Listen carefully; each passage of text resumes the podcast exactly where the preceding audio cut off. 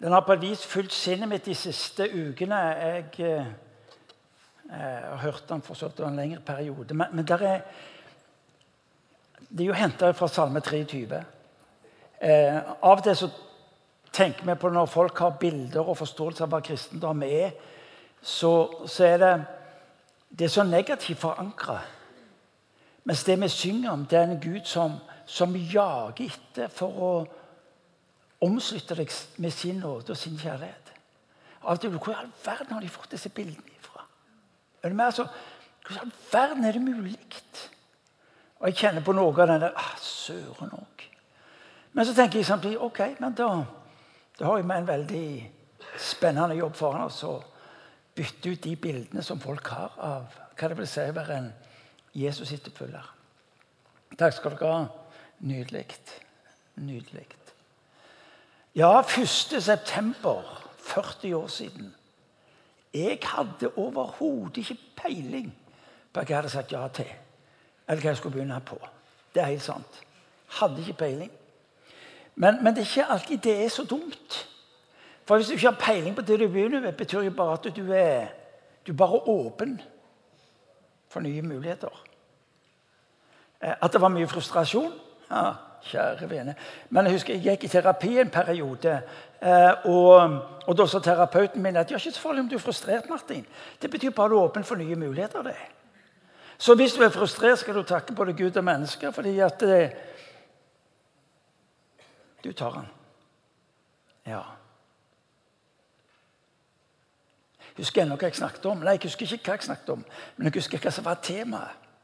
Det er klart det måtte jo være litt spenstig første gangen. Og så jeg, eh, jeg måtte sitere min navnebror. Ikke Luther, men King. som eh, rusta USA med preika 'I have a dream'. Det var teksten, det var temaet på den talen jeg hadde. Har det gått 40 år. Og så har det på et vis blitt eh, noe helt annet enn det jeg trodde. Både hva jeg vågte å drømme om, men hva det ble. Og takk Gud for det at utgangspunktet for hva han skal gjøre, er ikke hva du klarer å definere eller se for deg, men hva han tar deg inn i. Det er jo det det betyr å være en Jesus-etterfølger. Altså, det er sånn jeg visste, Drømte du? Nei, jeg drømte ingenting. Jeg Jeg siterte Martin Luther King, for jeg tenkte det, det var smell på den formuleringen. Så da, er jeg med. Men vitnesbyrdet mitt er i disse 40 år, jeg har fått lov til å være med på noe som jeg tror Gud holder på med. Men her, folkens, Det er det vi skal invitere andre mennesker til å bli en del av. Så takk for kakene. Jeg må være ærlig, eh, og jeg bekjenner her at når Anne eh, skulle kjøre dette bordet vekk, så skal jeg ha tallerken, min, så sa jeg det er ikke farlig om du tar av et stykke. Så jeg sikrer meg at jeg har etterpå. Grådig? Ja. Men da får du i hvert fall øye på hva en av mine svakheter er. Og den vedkjenner jeg meg. Jeg har gjort det i alle år. Gule kaker Irene korrigerte meg. Det er jo gule kaker som er favoritten. så.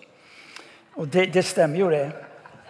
Men, men uh, når jeg kom inn her i dag, så uh,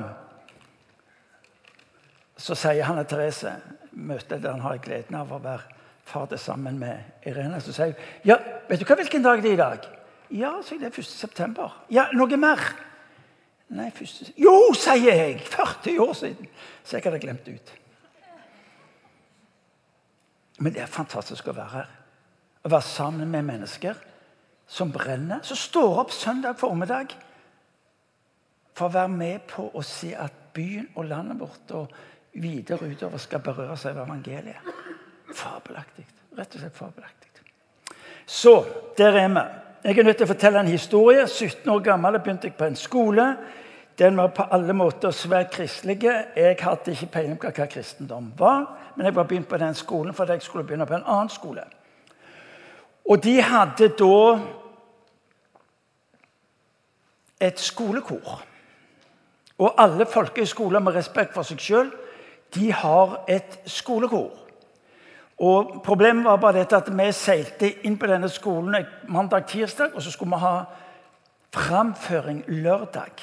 Så vi hadde rimelig kort tid på å øve.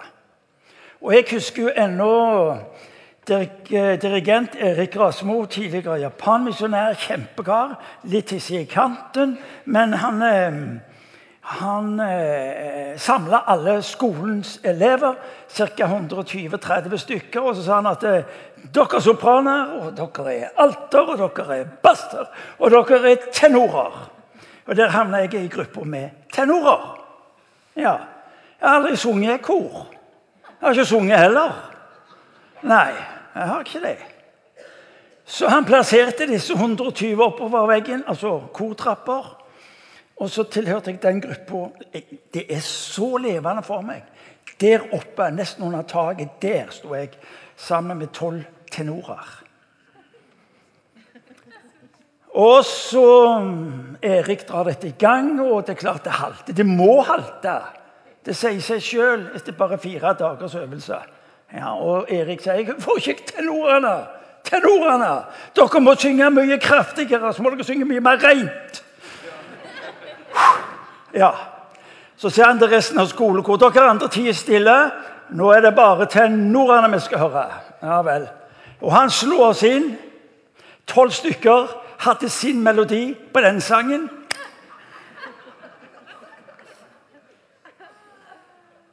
Du ser det for deg. Og der står jeg, og jeg begynner å le.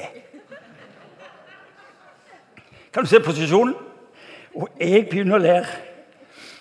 Hvorpå den elskelige Erik han tenner på alt det var mulig å tenne på.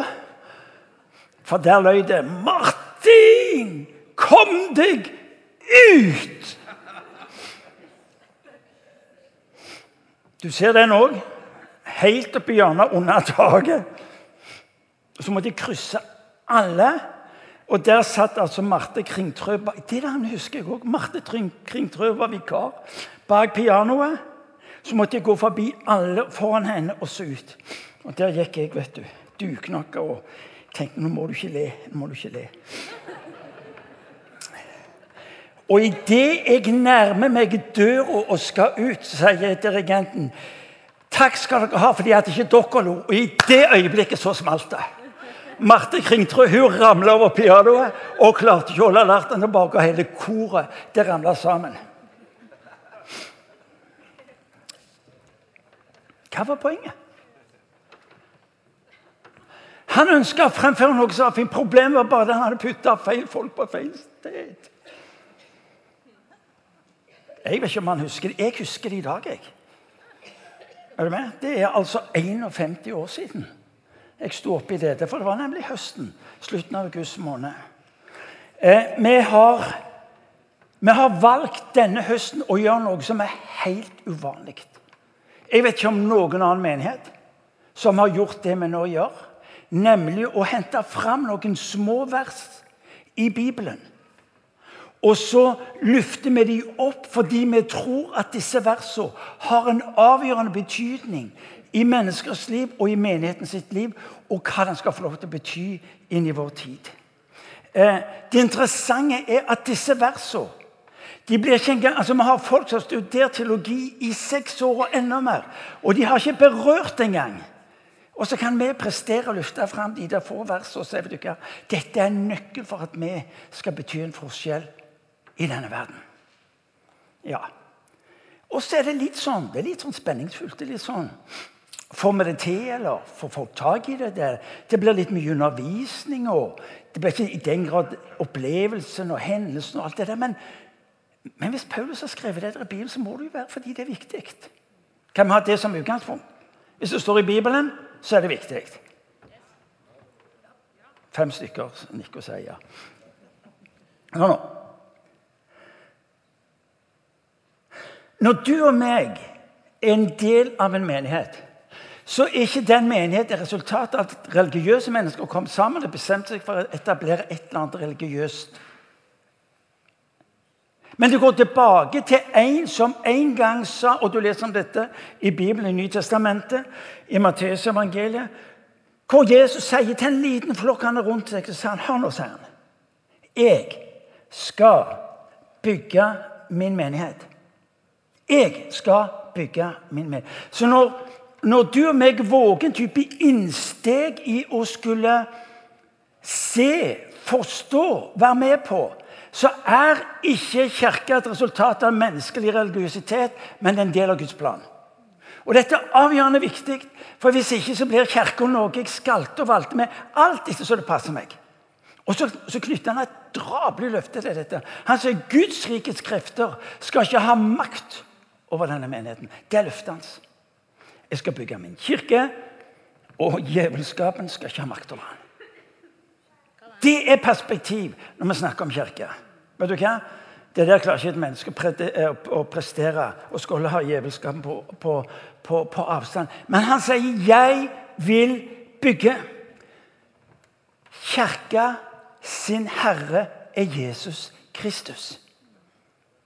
Vi må våge å løfte blikket litt høyere enn en pastor eller et lederskap eller spesielt sterktroende mennesker. Kirka har i sin grunnforståelse en opplevelse Vet du hva dette har med Gud å gjøre? Jeg vil bygge. Vi er altså underlagt Hør dette. Vi er underlagt hans regime. Vi, vi, altså, vi europeere vi kan ikke fordra at noen skal bestemme over oss. Kom an. Hvis vi er litt ærlige. Og så sier han 'jeg vil'. Ja, han snakker om, om autoritet. Det er min kirke. Jeg vil bygge. Du velger. Vil du være med, eller vil du ikke være med? Altså, Det ligger en autoritet over det Gud vil gjøre, som det på et vis ja, men Jeg kan ikke diskutere med det. Det ligger en hensikt når han uttaler seg at 'jeg vil bygge min kirke'. Det er noe som springer ut av Guds hjerte på de han vil skape.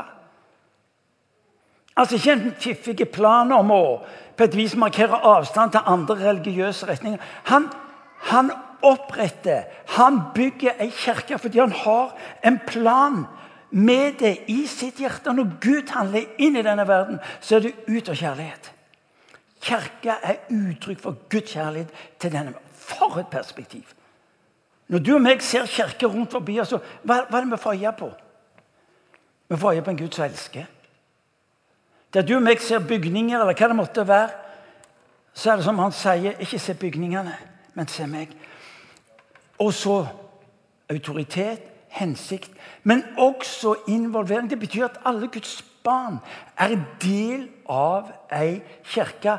Et fellesskap, et koinonia, sa jeg for 14 dager siden. Der omkring. Altså Kirka er lik Jesus sitt følgere.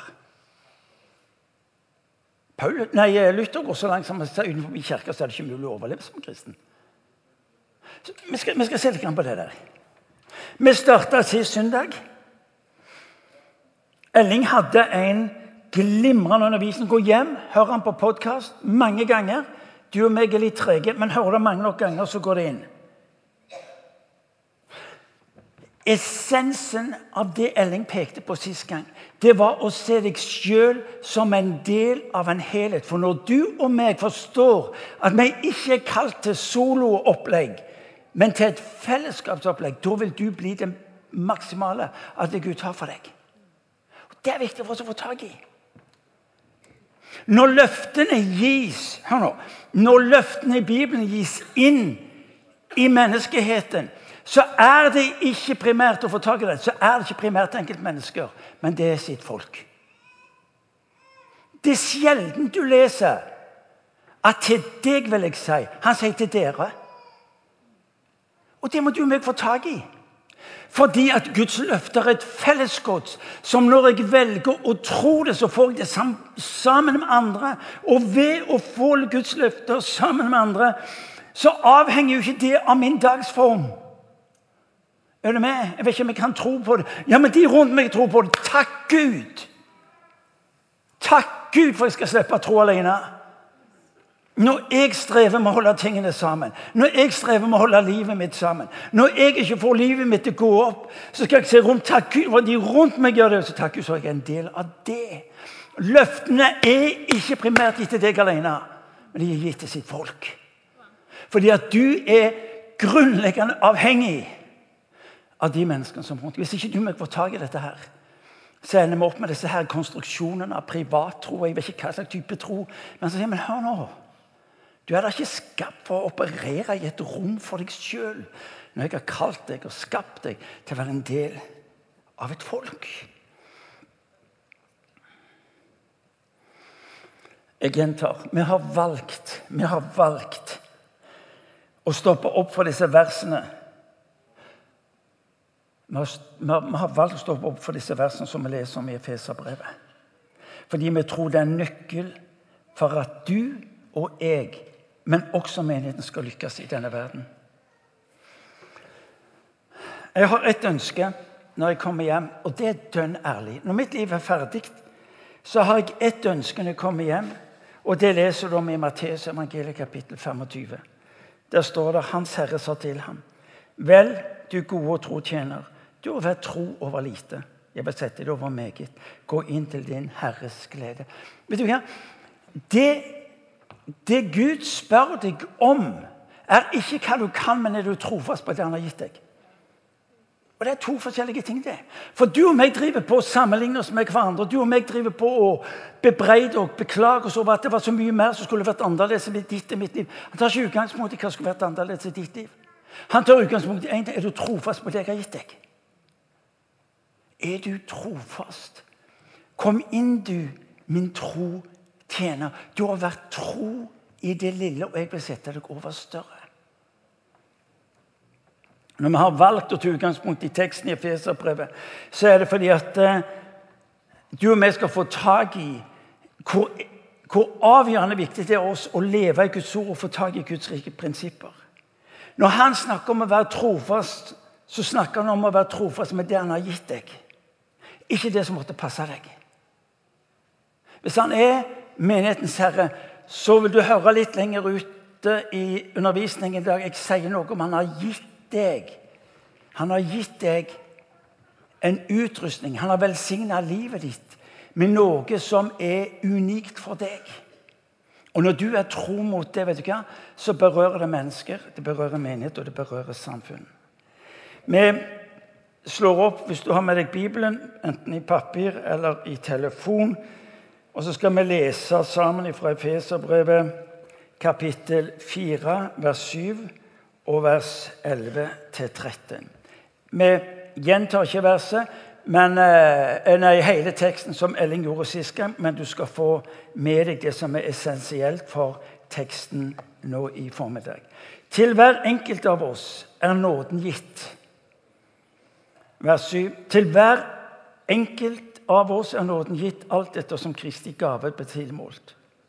Og så står det i vers 11. Og det var han som ga noen til å være apostler, noen til profeter, noen til evangelister og noen til hyrder og lærere for å utruste de hellige til tjeneste, så Kristi kropp bygges opp, inntil vi alle når fram til enheten i troen på Guds sønn og i kjennskap til ham og blir det modne mennesket som er fullvoksent og har hele Kristi fylde. Det er nesten som jeg hører du si. Kan du lese den en gang til? Og det er helt i orden. Men så for å lese når du kommer hjem. En gang til. Til hver enkelt av oss er nåden gitt. Alt dette som Kristi gave ble tilmålt. Og, så, og det var han som ga noen til å være apostler, noen til profeter, noen til evangelister, noen til hyrder og lærere, for å utruste de hellige til tjeneste, så Kristi kropp bygges opp, inntil vi alle når fram til enheten i troen på Guds sønn og kjennskap til ham og blir det modne mennesket som er fullvoksent og har hele Kristi fylde. Jeg gir inn fordi at vi skal høste modenhet og et Guds rike liv. Det er det, det denne teksten egentlig sier. Jeg møter dere med nåde. Jeg gir funksjoner i menigheten for at det ut av det skal komme modenhet og en Guds rike virkelighet. Det er en sum, det denne teksten sier. Guds rike Dette må du få med. Guds rike opererer innenfor strukturer. Altfor mange tror at Guds sønn er sånn svevende greie. Og så snakker vi generelt om Guds nærvær, og så blir det sånn Ja vel, men hva betyr det? Det interessante det er at når Paulus sier Gud satte i menigheten Det betyr det er en sånn type struktur. Det er en type sånn skål hvor oppi Gud legger, for å bruke bildet, sitt rikes nærvær. Det brukes ulike bilder. Eh, eh, Bibelen opererer med kroppen som et bilde. Kroppen blir et bilde på samhandlingen. Kroppen blir et bilde på avhengigheten. Kroppen blir et bilde på mangfoldet og allikevel samtidig enheten. Solokristendom er i Bibels tenkning komplett umulig. Det er akkurat som denne hånden her skulle si at jeg trenger ikke resten av kroppen. Og du meg vet såpass oppegående er vi at hvis, hvis denne hånden bestemte seg for å hoppe av eller distansere seg fordi den var ikke helt enig med plasseringen eller oppmerksomheten den fikk jo med, så vet du og meg det var bare tidsspørsmål før denne hånden ville være ferdig. Er vi enige om det? Ei, hopps, fra kroppen eh, er per definisjon ei død hånd. Ja, men La oss bruke bildet i det sekulære. Laget, fotballaget. Altså, Hvis alle skal være backer, ja, da er det mulig de hindrer mye mål, men de taper de fleste kampene. Eller hvis alle skal være målmenn, er det med? da blir det trangt. Men de er jo ikke høye nok vet du, til oss. Eller verktøyskrinet. Altså, Verktøyskrinet består jo av forskjellige eh, verktøy ut ifra hva som er behovet med hensyn til de ulike oppgavene. Verktøyskrinet. Altså Menigheten er, om du vil, kropp, bildet er laget, verktøyskrinet. Eh, det blir jo aldeles meningsfullt hvis hammeren brukes som et skrujern. Du, du, du, du, ser han som sto i kor og sang? Det var det sånn som bruker hammer istedenfor Ja.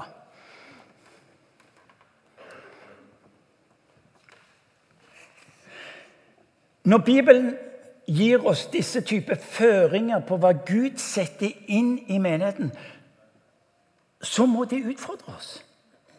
Fordi det er plutselig ikke spørsmål hva jeg har lyst til, hva jeg er trua til, hva jeg forventer av meg, men hva jeg er skapt for.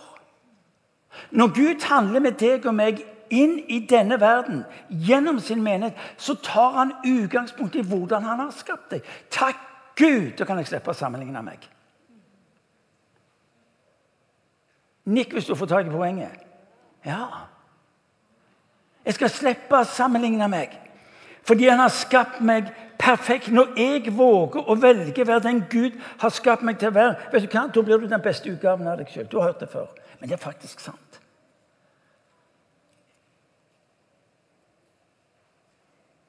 Tro i smått.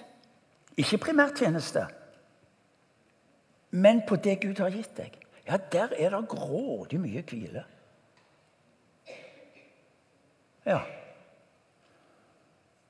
Jeg kan nesten bare si, Man kan ha så mye lovsang man bare vil. Det forandrer ikke.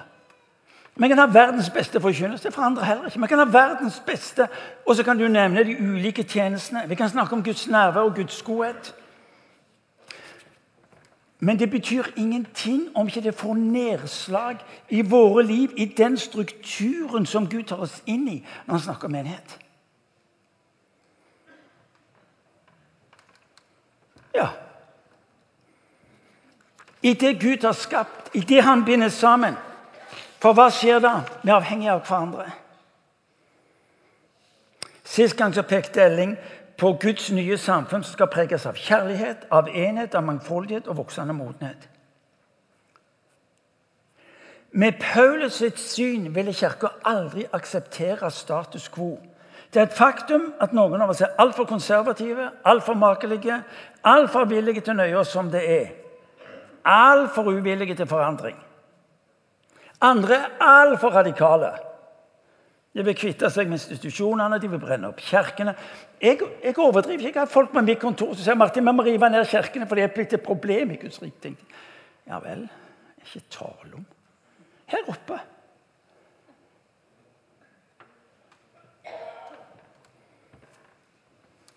Spørsmålet for oss må bli hva slags samfunn vil Gud at hans kirke skal være? Og jeg vet her dere sitter at dere ønsker Guds vilje for livet deres. Jeg vet dere ønsker seg denne verden for erfare Guds nåde. Da peker Paulus på nøkkelen han snakker om, at Gud ga menigheten. Og så sier han apostler, profeter, evangelister, hyrder, lærere.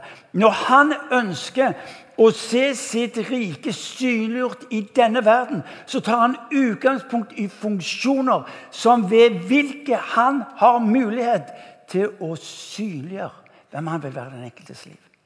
Og så er det når dette samhandler, at du får øye på bildet.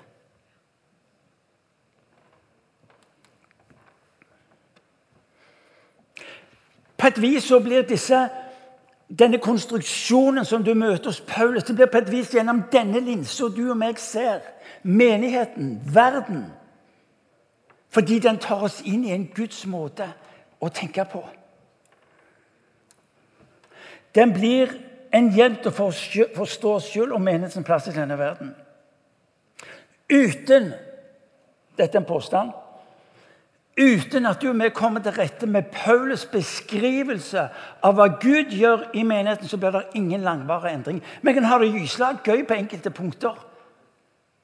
Men Gud er opptatt med trofastheten i det lange løpet. For gjennom det blir hans ansikt synliggjort. Gjennom de funksjoner han har gitt enkeltmennesker. Så her sitter du, og du er nettopp denne nøkkelen til å se denne endringen. Det er, det, det, det er et uhyre interessant faktum folkens, at i en undersøkelse viste i USA enkelte byer med svære menigheter med en enorm kristne virksomhet de hadde størst kriminalitet og fattigdom. Hvordan er det mulig? Hvordan er det mulig? Min enkle tese er at det Gud disse menighetene, det, det Gud ga disse menighetene hadde de ikke forvalta. Det skal være umulig å ha et gudsrike nedslag, og så skal vi samtidig se at det vokser fram kriminalitet, urettferdighet, fattigdom. Fordi kirka kan ikke leve med det. Guds svar på denne verdens fattigdom er sin menighet. Og du og meg er nødt til å komme til rette med det der. Vi kan, ikke, vi, vi kan ikke akseptere urettferdigheten fordi det ligger i selve kirkas vesen at den reagerer på urettferdighet.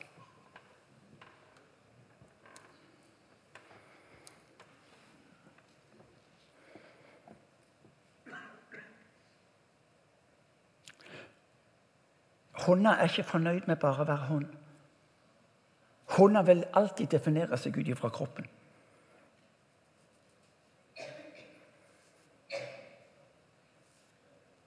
For å bli i fotballspråket Messi. Noen av dere vet hvem Messi er? Ikke mess up, but Messi.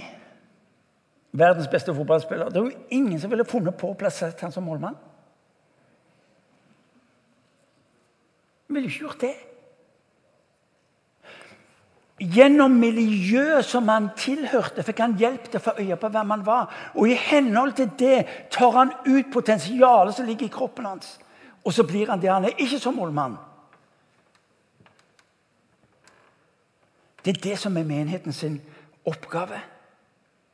Hør nå. IMI sitt mål å få ut potensialet som er i din kropp, som er det Gud har lagt ned i deg, det er min primære oppgave som en av lederne i dette huset. Det viktigste i mitt liv, satt på spissen, ikke som mennesker frelst, men å sørge for at du får lov til å få tak i det Gud har gitt deg for å se denne verden berørt. Hva skjer da? Da blir jeg en del av et folk som sammen beveger seg ut og berører denne verden. Altfor ofte ble det ja, du er Guds mulighet. Og mange av oss fikk angst fordi vi var verken ekstroverte eller evangelister eller hva det måtte være. Er du med? Og så gikk vi der med skammen. Og... Men hvis jeg får lov til å se meg sjøl som en del av et folk, av et team, ja, da er jeg ute på gata hver dag. jeg. Være evangelister. Fordi at jeg vet at de som er der ute, trenger meg. For uten at de får lov til å henge med meg, så var det ikke lenge det de holder på med. Ja, du skal få noen ord på det litt senere. Når apostler, når profetene, når evangelistene og hyrdene og lærerne samhandler, vet du hva som skjer da? Da får denne verden et bilde av hvem Gud er inn i denne verden. Det er så viktig. Når du er bevisst din plass på legemet, så har du det du trenger. Jeg sa for 14 dager siden denne kirka er ikke for deg.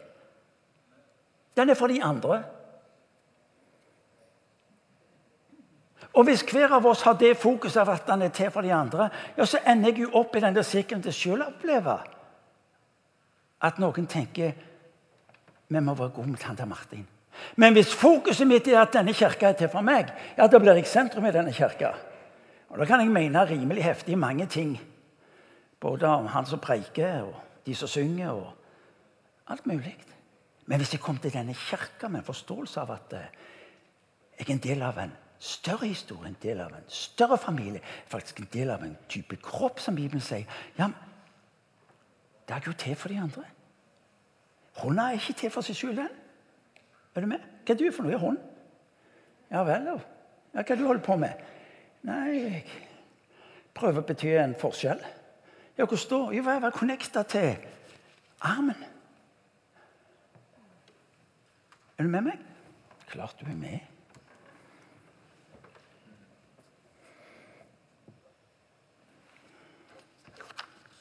Dette var innledningsstoffet.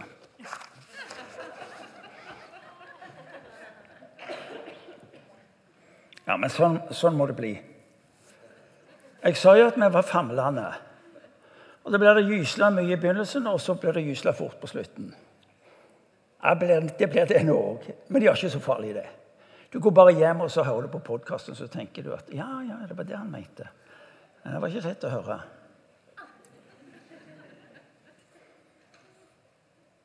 Du ser det at Efeserbrevet, som vi leser teksten av, den sier noe om roller. Den sier noe om funksjoner. Og så vet du, ja, Det står noe i 1. brev til Korinterne kapittel 12 og Romerbrevet kapittel 12. Der snakkes det om gave. Ja, du skjønner at uh, Gavene som Paulus snakker om, nådegavene som du har hørt de som, de er gitt for at de ulike funksjonene skal lykkes med det Gud har gitt dem. Ja, Det er interessant. Ja, så fikk du orden på det òg. Gud har ikke bare gitt deg en funksjon, han har ikke bare gitt deg en rolle. Han har gitt deg de nådegavene du trenger, for der hvor han har satt deg til å bety den for Ja, du mann, altså. Ja, Det var oppklarende. Så han har ikke bare gitt deg en funksjon, men han har gitt deg de nådegavene du trenger til å være der. Noen ord om læreren, for det er egentlig det som er hovedpunktet i dag. Når du tenker lærer, hva tenker du da? Noen sier jeg tenker Bjørn Wang. Han sitter oppe og tolker. Med en gang jeg tenker Bjørn Wang. Du vet altså, Bildene vi har av læreren, vet du, ikke sant? det gjelder ikke deg, Bjørn. Men ikke sant, vel, at eh, når de skal tale, så har de et vers, og det, det kan de bruke et helt år på. Er du med? For er jo dybder nedi der. Det, ble, det, ble, det jo Når du tenker det, så tenker at de folka de er grundige. Ja, De er grundige. De, de, de, har mye. Og så har vi på et vis eh, putta det der. Men erketypen på, tenker, på, på læreren er jo, er jo, tenkeren. Det er jo de som tenker, de som grunner, det de som observerer. Det er filosofen. Det er vitenskapspersonen. Kunnskapsrike, abstrakt osv. Læreren inn i en bibelsk kontekst vil, vil framholde sannheten. Læreren inn i en bibelsk kontekst vil være opptatt med å formidle sannhet. Dere har hørt, sier Jesus, men jeg sier dere Han var omtalt som rabbi, som lærer. Du har denne gruppa i menigheten som alltid ja, men, men, men, men hva er det som står i Bibelen? Og så vil de dras mot Bibelen. Det er en uhyre viktig funksjon i Jesus sitt liv. Det er en uhyre viktig funksjon i menigheten sitt liv. Læreren. Læreren har sin, Når du leser i, i uh, hele Bibelen, så vil du oppdage at læreren har altså sin, sine røtter i tradisjonen. Derfor er den så viktig. I Israels tradisjon, og spesielt i de vanskelige tider, når, når folket var pressa så ble lærerfunksjonen så viktig fordi den henta opp eh, skriftene, profetene. Og så var det om å gjøre å formulere dem på en slik måte at folket forsto dem. Læreren har en tradisjon langt tilbake i Israels historie. De trengte å formulere sannhetene på hvem de trodde i en fiendtlig verden. Ja, det er svært viktig i vår tid. Hjelp til å se verden med troens øye gjennom Skriften. Ja, det er det læreren gjør. Det er ikke bare en som lirer av seg, men som gjennom sin utrustning skal få lov til å hjelpe oss med troen. Så når du og meg leser ordet, så, så hjelper læreren oss til å se, til å formulere og til å handle på det. Du og meg velger om vi vil se verden med våre øyne, eller om vi vil velge å se dem som Gud ser dem. Det har noe med Guds ord å gjøre. det. For du, få tak i dette. Du ser nemlig ikke verden som den er. Du ser den som du er. Og Hvis ikke du og meg får hjelp til å se denne verden med Guds øyne, så ser vi den med våre øyne. Ja, Da kan panikken ta oss. Da kan angsten ta oss. Da kan frykten ta oss. Men hvis vi får lov til å se den som Gud ser denne verden, ja, vet du hva, folkens? da er det plutselig, som Bibelen sier, Kristus i meg, håp om herlighet. To forskjellige måter Jesus, hva er det du ser? Jesus, hva er det du handler? Hva sier Guds ord? Jesus, hva er det du sier?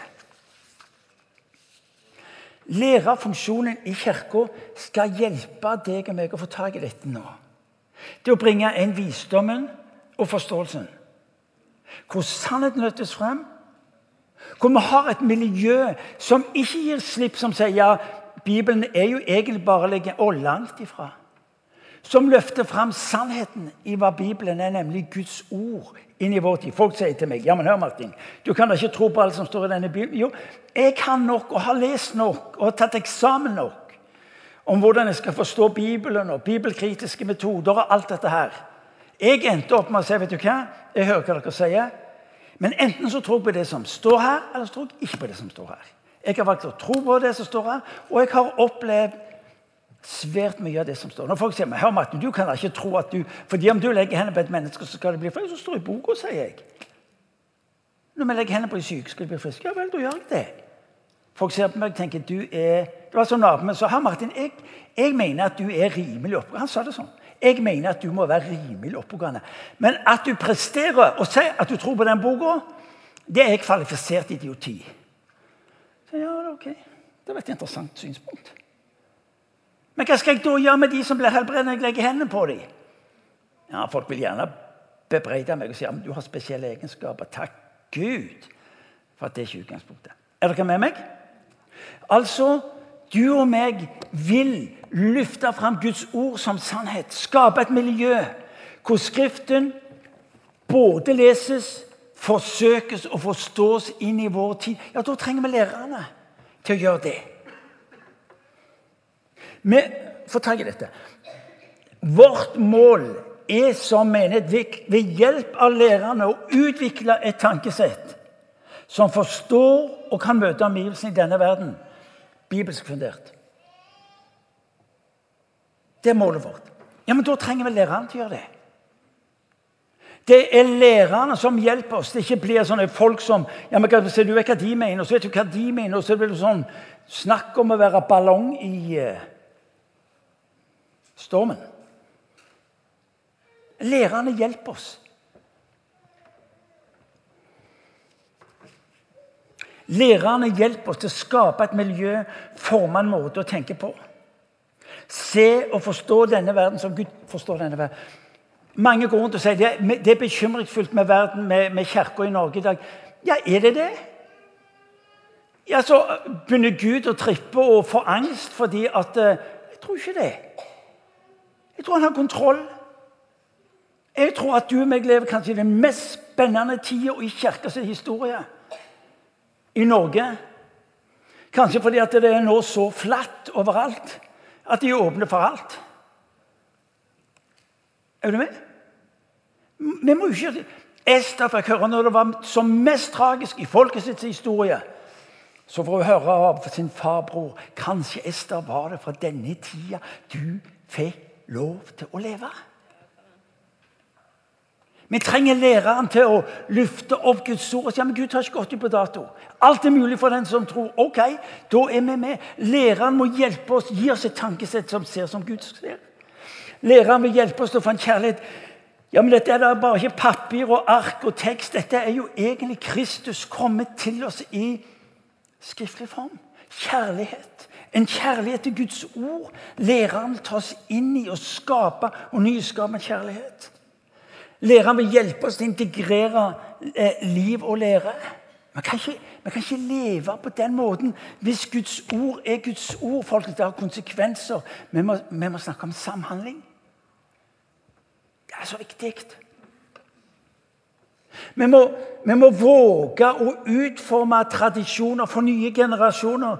For ja, men vi gjorde det ikke sånn før. Nei, takk Gud for vi ikke gjør det som vi gjorde det sist. Fordi at læreren må hjelpe oss til å utforme nye tradisjoner for nye generasjoner. Det betyr ikke at vi forkaster Guds ord. Det betyr bare å få lov til å se Guds ords sannheter inn i en ny tid. Avgjørende. Er mer konservativ såkalt enn noen gang før.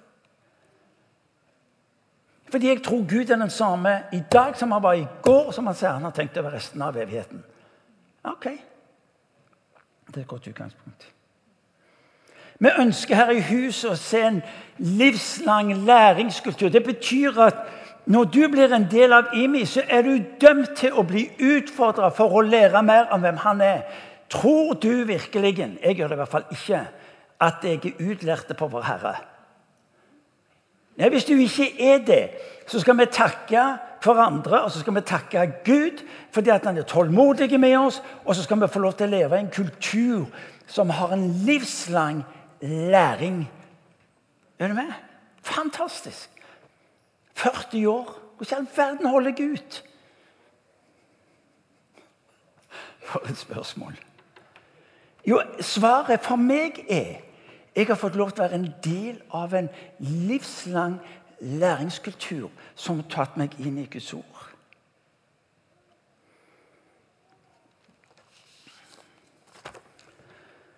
Gode, gode, gode dere. Det vi nå berører, jeg tror jeg er noe av det viktigste vi gjør. Mike Breen forteller en av husets gode venner, prest i en anglikansk kirke i England, eh, forteller at når han begynte å undervise om dette stoffet i sin menighet. Og folket ble bevisste på hvem de var, hva slags gave de hadde, hva slags utrustning de hadde. Så eksploderer det, for de ga folk frimodighet til å være tro mot den de var. Så har vi en erkjennelse av at vi trenger tid på dette. Det holder ikke bare med to møter, for dere glemmer altfor fort. Ikke fordi at nei, vi er skapt sammen, så vi glemmer altfor fort. Så det vi gjør er at vi skal altså bruke resten av høsten til å dele opp læreren i dag. Og så er det hyrden, og så skal vi ta disse forskjellige. Men du skal få noe i tillegg. Hør hva du skal få. Vi skal I slutten av september så, så ønsker vi å se alle folkets medlem, alle menighetens medlemmer gå inn i litt sånn dypere med dette. Hvem er jeg? Kan jeg få snakke med noen av de som har denne rollen eller denne funksjonen i menigheten? Og så skal det altså få lov til å bety at jeg får lov til å lære ikke bare hvem jeg er, men hvem jeg er sammen med som en del av på denne kroppen, på dette laget. Helt til slutt. Når vi snakker om det femfoldige, så er ikke det bare et prinsipp som gjelder innenfor eh, kirka sine vegger. Men det er en gave Gud har gitt mennesket. Så det betyr at når du lever i en sekulær sammenheng, så skal du altså få lov til å ta prinsippene det betyr ikke andaktene, men du skal få lov til å ta med deg prinsippene ut i din hverdag. Og så skal du få lov til å være tro mot Ja, men jeg er jo en lærer, jeg. Eller jeg er, jeg er. Og så må du sørge for å være her utover høsten. så du får tak, ok, det, Jeg tror det er meg. Og så skal du få kurs vi tror det blir om onsdagene utover høsten. Så får du nærmere beskjed om 14 dager. Og så skal du sette av de sammen med huskirka di, så skal dere hjelpe hverandre. til å være på. Å ja, ja, jeg tror dette er meg. Og når, ja, men Da må vi jo kanskje samhandle på en annen måte. Han som er i mål, han må få ut i spiss, for han er jo egentlig en spiss. er du med? Slutte å bruke hammeren når det egentlig Skal vi reise oss, og så ber vi?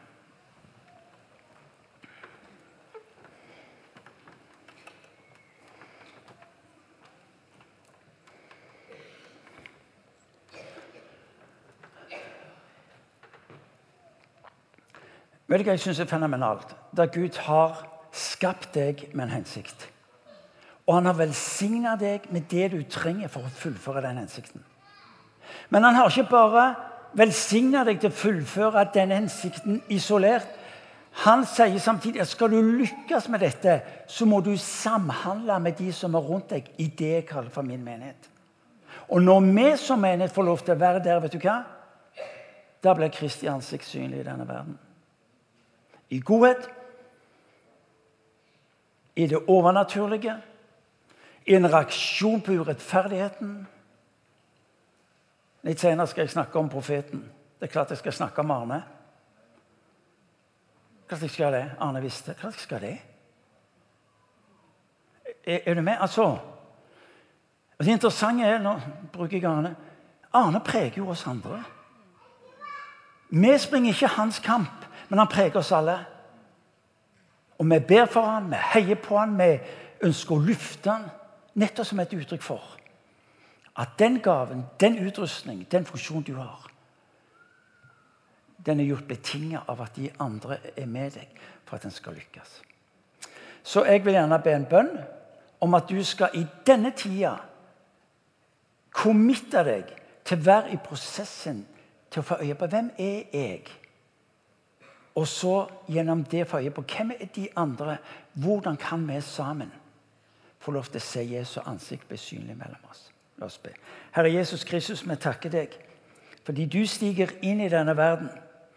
Ikke med det perfekte, men du gir oss av din nåde for nettopp å se ditt liv virkeliggjort i våre liv. Herre, du leide ikke opp de som hadde alt på stell, men du leide opp de som hadde rota det til som hadde tatt ut på egen hånd, og som drev på og bygde sine egne imperier. For vi ber i ditt navn, Jesus, om å få lov til å være et folk som mottar kunnskap. Vi ber om at du skal løfte fram lærerne imellom oss. Både de vi kjenner, men de mange som bærer med seg denne drømmen, lengselen, etter å få lov til å se sannhet, se ditt ord, fordype seg i ditt ord på en slik måte at det berører oss alle. Vi tilber deg, Jesus. Vi ber om det så velsigner jeg den enkelte av oss, far, til nettopp å være et folk underveis. Underveis som vandrer Jesus nettopp i denne her innsikten i erkjennelsen av det å våge å være tro med det de ser i sitt eget liv som brenner. Vi ber om det. I ditt navn, Jesus, vi ber. Amen.